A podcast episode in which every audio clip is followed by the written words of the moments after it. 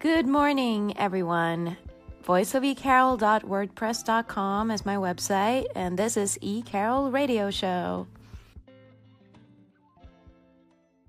I don't want to get all Hallmark card on you, but you were my best friend. We've been through so much together. You know me better than I have ever let anyone know me. You're the first person I've met who understands me, who thinks the way I do, who gets me. Am I crazy? Am I wrong? Because you're important to me. If you just aren't attracted to me, I could understand that. I know you can't choose who you want. You can you can't control those feelings. The heart wants what the heart wants. If we could choose, then I could stop wanting you. I know it doesn't work like that. So if if you just don't like me that way, but but you do, don't you? You must. I mean, at least a little. You can't find me too repulsive. You're the one who kissed me. Did did I do something wrong? I mean, was I not good? Was I too easy? Was I supposed to play hard to get? I know how to I don't know how to be coy and play games. No one ever explained the rules to me. All I know and what to do is to be honest. And you said that was something you loved about me. Is it. Are you ashamed? Is that why you're pretending like it didn't happen? That's it, that, isn't it? You're ashamed, right? I mean, who wouldn't be ashamed of me? I'm Dogface. You can fuck Dogface behind closed door, but you can't introduce her to your friends. You can't bring her home to meet your mom. You said you're not ready. Is anyone ever ready for their life to change? How do you expect to learn anything? We'll make all kinds of stupid mistakes and feel like idiots, and welcome to the human condition. Trial and error, the only way to learn. No one is ever ready. You said you don't want to get too serious, but how am I supposed to act casual about something this intense, this rare? You're the first person to see me.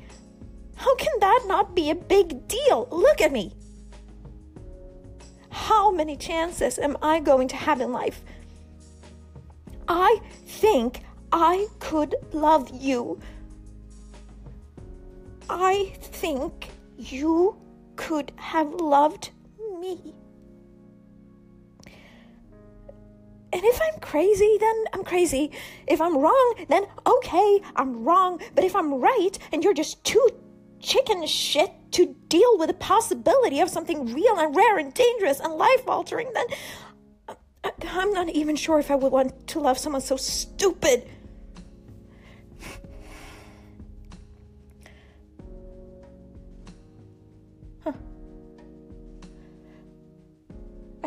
Finally understand why they say you lose your virginity. I always thought that was a dumb expression.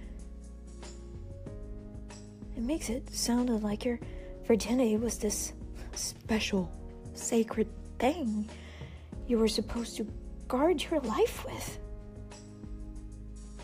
When to me, the fact that I never had sex was like a flashing neon saying, ugly loser hanging over my head. I was trying to lose it.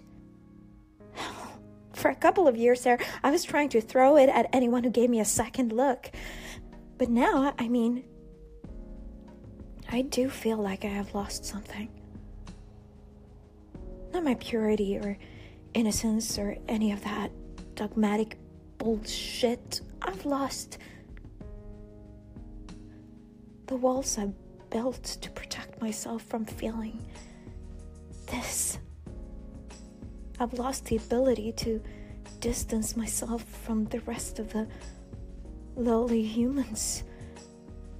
My position to self deprecating superiority that let me live without hope for all those years. I lost my isolation.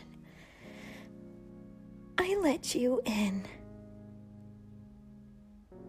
And I gave you the power to hurt me.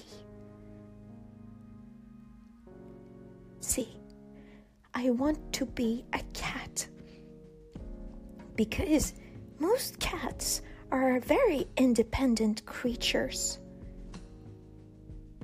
They can be domesticated, but for the most part, they don't really act like pets as much as they act like caged predators. They fend for themselves. And sometimes, sometimes when they want you to give them a little affection, they crawl into your lap and they purr and they let you pet them and love them. And then, after a little while, they get sick of you and they scratch you and they jump up and they run away. Cats are fierce.